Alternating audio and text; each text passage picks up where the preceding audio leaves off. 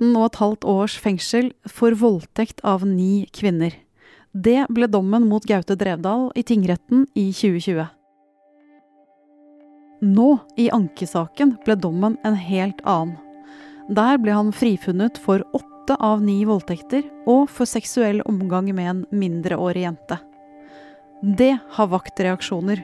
Nå stiger temperaturen i debatten om kvinners rettssikkerhet.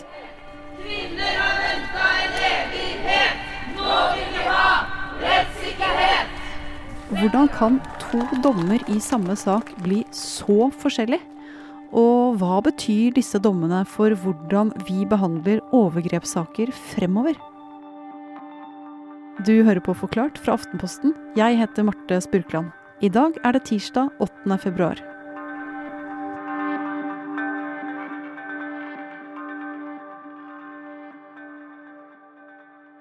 Gaute Drevdal har vært en kjent uh, utelivspersonlighet i Oslo i mange år. Harald Stolt Nilsen er krimreporter i Aftenposten. Han har vært uh, redaktør i magasinet Natt og Dag. Han har vært med og drevet uh, flere utesteder. Han har vært musiker, DJ. I tillegg så har han vært pressesjef for HV-festivalen. Og så har han i mange år hatt tette bånd til personer i og rundt kultur og uteliv, spesielt i Oslo. Da anklagene mot Drevdal ble kjent høsten 2017, ble han omtalt anonymt i mediene som kulturprofil. Og interessen var enorm, særlig fordi det var hele 13 kvinner som anklaget ham for voldtekt. Fire av sakene ble henlagt, og i den første rettssaken i tingretten tidlig 2020 var han tiltalt for å ha hatt samleie eller utført seksuelle handlinger med ni kvinner som var ute av stand til å motsette seg det som skjedde, fordi de var beruset eller sov. Til slutt så ble han tiltalt for eh, ni voldtekter, og han risikerte etter hvert opp mot 21 års fengsel. Hvorfor var det her en så spesiell sak? Det er jo omfanget her som er uh, stort. Uh, I tillegg så kommer det Blir saken kjent for offentligheten i etterkant av uh, metoo-bevegelsen, eller mens den pågår. Ja, for han mente at Norge trengte en Harvey Weinstein, og at det ble ham. Men det har jo ikke alle vært enig i. Nei, i tingretten så ble dette blankt avvist. De mener at eh, det ikke har noen sammenheng med metoo-bevegelsen, og peker bl.a. på at flere av anmeldelsene mot Revdal kom før eh, metoo-bevegelsen begynte. Så hvordan endte den første saken i tingretten? I tingretten så blir jo Gaute Drevdal dømt til 13,5 eh, års fengsel av en fagdommer og to meddommere. I dommen så pekes det bl.a. på at han har utnyttet situasjonen. Han har hatt en maktposisjon også i dette miljøet rundt disse kvinnene. Og de peker også på at det har skjedd gjentatte ganger, og at det er veldig lik fremgangsmåte i alle tilfellene. Men det mener Drevdal selv er helt feil, så han anker tingrettens dom. I arbeidet med denne episoden har vi selv vært i kontakt med Drevdal via advokatene hans. De sier til oss at Vinklingen om ujevne maktforhold opplever han som medieskapt. Han har tilhørt et ungt, kvinnedominert vennemiljø. Som hans forsvarere er vi tydelige på at likhet mellom anklagene ikke kan brukes som bevis i denne sammenhengen. Og Ankesaken gikk jo da i Borgarting lagmannsrett i desember, og fredag for halvannen uke siden kom den nye dommen. Hva ble den? Den eh, ble jo ganske overraskende for uh, veldig mange. Uh, han ble til slutt frikjent for åtte av ni voldtekter, noe som nok for veldig mange fremstår som ganske overraskende. og dommen ble også kraftig redusert, fra 13,5 års fengsel til ett år. Selv om Drevdal ble frikjent for åtte av ni voldtekter, ble han dømt til å betale oppreisningserstatning til fem av de ni kvinnene, på til sammen 690 000 kroner. Og det litt pussige her, at han ikke ble dømt til fengsel for mer enn ett tilfelle, men likevel må betale penger til fem kvinner, det forklares med hvor mye tvil retten kan tillate seg å ha. For å dømme ham skyldig måtte de vært 95 til 100% sikre. Når de dømmer ham til erstatning, kan de tillate seg litt mer tvil. Både i tingretten og i lagmannsretten er det fagdommere og meddommere som dømmer. Fagdommerne er jurister som kan loven til fingerspissene, og meddommerne er folk som deg og meg. Og i lagmannsretten er fordelingen slik. Det er to fagdommere og fem meddommere. I denne saken så var det bare fire meddommere fordi en av eh, meddommerne ble syk, og man kalte ikke inn noen vara. For at en som er tiltalt skal bli dømt i lagmannsretten, må minst fem dommere være enige om å dømme. Ofte er det et bestemmende mindretall som blir avgjørende. Altså, det har vært eh, to eller tre av meddommerne som mener at det ikke er grunnlag for å dømme Drevdal. Selv om det har vært eh, fire mot to i enkelte av tilfellene, så har ikke det vært nok da for å domfelle Drevdal. Og i lagmannsretten så ville altså fagdommerne dømme Drevdal, mens meddommerne gikk inn for å frifinne ham. Det var i Drevdals tilfelle var det meddommerne. Fagdommerne har i denne saken gått inn for å domfelle Drevdal på nesten alle tiltalepunktene, mens meddommerne gikk imot øh, og mente at han måtte frifinnes. Erstatningskravet ankes nå til Høyesterett, og Drevdals advokater sier til Forklart at dommen var omtrent som forventet, selv om de også forventet frifinnelse for det eldste forholdet.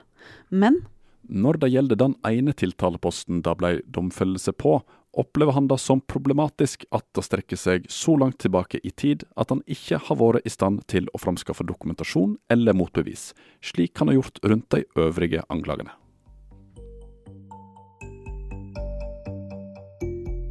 Harald, vet vi egentlig sånn juridisk sett hva en voldtekt er? Ja, lovverket setter veldig tydelige rammer for eh, hva som er en voldtekt, og hva som ikke er en voldtekt. Men ofte er det bare to personer som vet hva som skjedde den aktuelle kvelden, dagen, natten. Eh, og det blir derfor gjerne ord mot ord. Samtidig så i mange tilfeller så tar det lang tid før eh, offeret velger å anmelde. Og det fører til at både fysiske bevis forsvinner, og at hukommelsen kan endre seg litt. Så det er vanskelig å etterforske. Det er ekstremt vanskelig å etterforske disse sakene for politiet. Og svaret på det spørsmålet kan komme til å endre seg også utenfor rettssalene. For nå går debatten om hva som er en voldtekt, og hva som kan gjøres for at sovevoldtekt skal bli mindre vanlig. Burde vi f.eks. hatt en lov som sier at før sex trengs et klart og tydelig og våkent ja?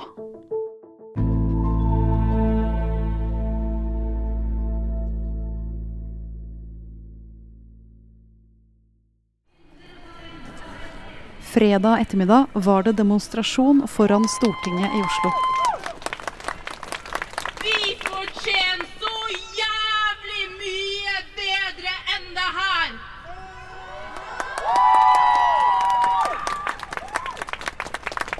Og vi skal kjempe sammen til vi får det!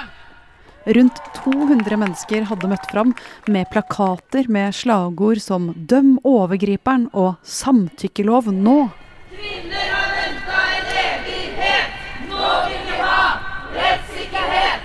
Mens andre som har engasjert seg i debatten etter den nye og mildere dommen mot Drevdal, har vært mest opptatt av uenighetene mellom fagdommerne og meddommerne. Ja, det er jo lett å tenke seg at um, dommere som går inn for frifinnelse i voldtektssaker, er eh, eldre menn med fordommer mot yngre kvinner på fest. Um, men eh, studier viser at det er ikke så enkelt. Lena Lindgren er kommentator i Morgenbladet og har fulgt nøye med på saken mot Drevdal og debatten i etterkant. Fredag skrev hun i Morgenbladet at det er en kjent sak at meddommerne som representerer folket, oftere vil frifinne i voldtektssaker enn det fagdommerne som representerer jussen vil. Det fins også noen studier som har funnet at kvinnelige meddommere frifinner oftere enn mannlige. Jeg tror eh, kvinner eh, kan eh, også ha interesse i, eh, som lekdommere i å ha, vise befolkningens egen seksualmoral. At man eh, kommer som mor av enten en datter eller en sønn, og vil beskytte døtre mot å bli overstadig berusa, og sønner mot å kløne seg til, altså i, begå overgrep i, i, mens de debuterer seksuelt. Så jeg tror sånne ting kan spille inn. Voldtekt og overgrep er et felt med store mørketall. Men en nasjonal undersøkelse fra 2014 oppga rett under én av ti kvinner at de hadde blitt voldtatt en gang i livet. Og ifølge en kartlegging VG gjorde i 2018, får hver dag tre personer beskjed om at voldtektssaken de har anmeldt, er henlagt.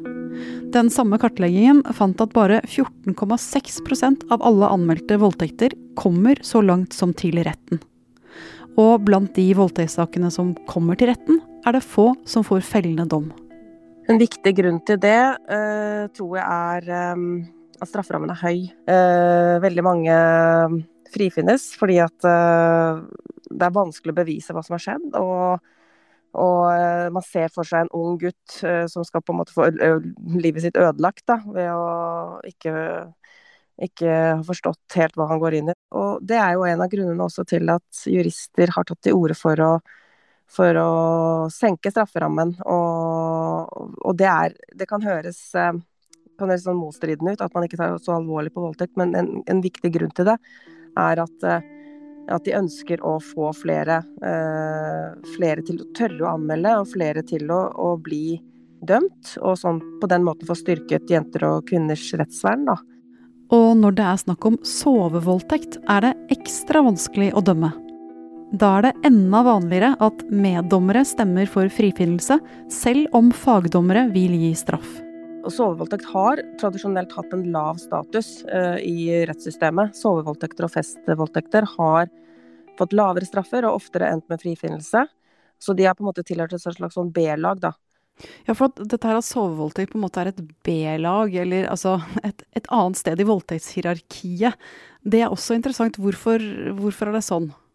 Det skyldes eh, vel at det er uh, mer uklart, ikke sant. Man kaller jo ofte dette for gråsonevoldtekter. Um, og uh, altså jeg, jeg, tenker at den som, den som sover, uh, samtykker ikke. Så det er ikke for å på en måte prøve å uh, forklare eller uh, legitimere det. Vi har et veldig sånn sterkt bilde av at, uh, at voldtekt er noe, noe, Da blir man overfalt, da blir man um, Gjør man motstand, og i sovevoldtekt så så gjør man jo ikke det. Altså, sånn at jeg tror det bryter med de tradisjonelle forestillingene om hva en voldtekt er, da.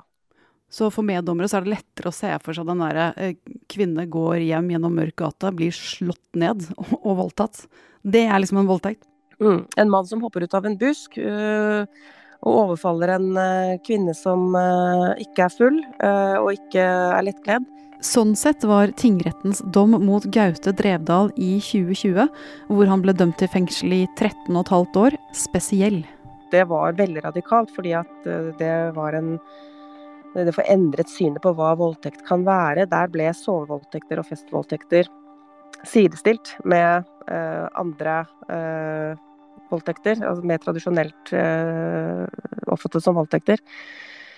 Um, så nå kan man spørre seg da om det er stilt tilbake, om det er tilbakeslag nå som, som han veldig langt på vei fikk, fikk redusert straffen sin. Og rus har jo spilt en rolle i mange overgrepssaker. Hvordan skiller meddommere og fagdommere seg fra hverandre i det spørsmålet? Eh, så vidt jeg har sett, så er det samme tendens der til at uh, meddommere synes syns det er vanskeligere å dømme sine likemenn når det er rus inne i bildet. Um, og det kan man vel kanskje forstå. Det handler om å ønske å opprettholde moral. Altså at uh, sønner og døtre ikke skal uh, være overstadig berusa på fest. Og bli lettere overgriper og lettere ofre for overgrep. Og dette tar oss inn i debatten om samtykkelov. I høst sa regjeringen Støre at de vil legge fram et forslag om en samtykkelov for Stortinget. Hvis den blir vedtatt, kan Norge følge etter tolv andre europeiske land. Men en slik lov krever at mange må tenke litt nytt om hva en voldtekt er. Nei, altså jeg har tenkt på, tenkt på, det mye selv, at uh, forståelsen av voldtekt har endret seg veldig de siste årene. Uh, og at veldig mye av det som uh, min generasjon, da Jeg tilhører samme generasjon som både Drevdal og, og de tidlige Natt og Dag-miljøet. Som egentlig definert som, hva skal man si, dårlig fyllesex, eller sex man kan angre på, eller uh, at det, det kunne ha til tider ganske mørke sjatteringer. Mens at i dag så er det mye høyere bevissthet om hva uh, frivillig sex er. Det tror jeg er et stort framskritt.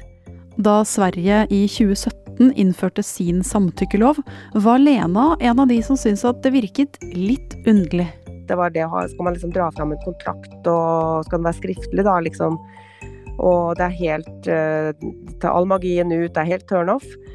Men i dag så har jeg sett på en måte hvordan uh, ungdomskulturer egentlig praktiserer det, sånn som type på reality-TV. ikke sant, Så løfter de en tommel opp mot kamera for å vise at det skjer frivillig. Og i, og i, videoer på ungdomsskolen så er det sånn man gjennomgår det pedagogisk, da. Sånn at hvis man stanser en stansende hånd, det betyr nei. Nøling, det betyr nei. Den som sover, den samtykker ikke. Er man stille, så betyr det nei. Man skal sikre seg et aktivt ja. Og det å få et aktivt ja, det kan ikke være noe sexdreper, eh, etter min Eller det kan liksom ikke være en, en uh, så fremmedgjørende som, som, jeg tror vi oppfattet det i starten, da. Så jeg, har, jeg er nå veldig positiv til en samtykkelov. Eh, selv om jeg tror den ikke løser alle problemer i retten, så tror jeg den er veldig bevisstgjørende i samfunnet, da. Hvis du skal se fremover, da, hvordan kan disse debattene påvirke definisjonen av en voldtekt i Norge? Jeg tror debatten har vært eh, øyeåpnende i forhold til forståelsen av hva som er en voldtekt. For vi har fått eh, først én dom i tingretten og så en i lagmannsretten. Og begge har vært eh, pedagogiske i forhold til å forstå at en sovevoldtekt er en voldtekt. En festvoldtekt eh, av en venn er, kan også blir av retten oppfattet som en voldtekt. Og det er, uansett utfall da, eh, i retten, så er det veldig bevisstgjørende. Og den bevisstheten, den lar seg ikke tilbakestille. Helt til sist, Drevdals advokater Victoria Holmen og Ida Andenes mener også at en prinsipiell diskusjon rundt meddomsretten i denne sammenhengen er en avsporing, og at frifinnelsen av Gaute Dredal er avgjort på beviskravet, som vil være det samme uavhengig av ordning og eller lovtekst. Og en liten presisering til slutt.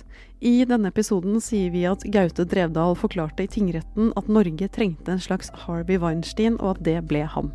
Det Drevdal sa, var at han mente norske journalister trengte en Harvey Weinstein, og at det var årsaken til den omfattende mediedekningen.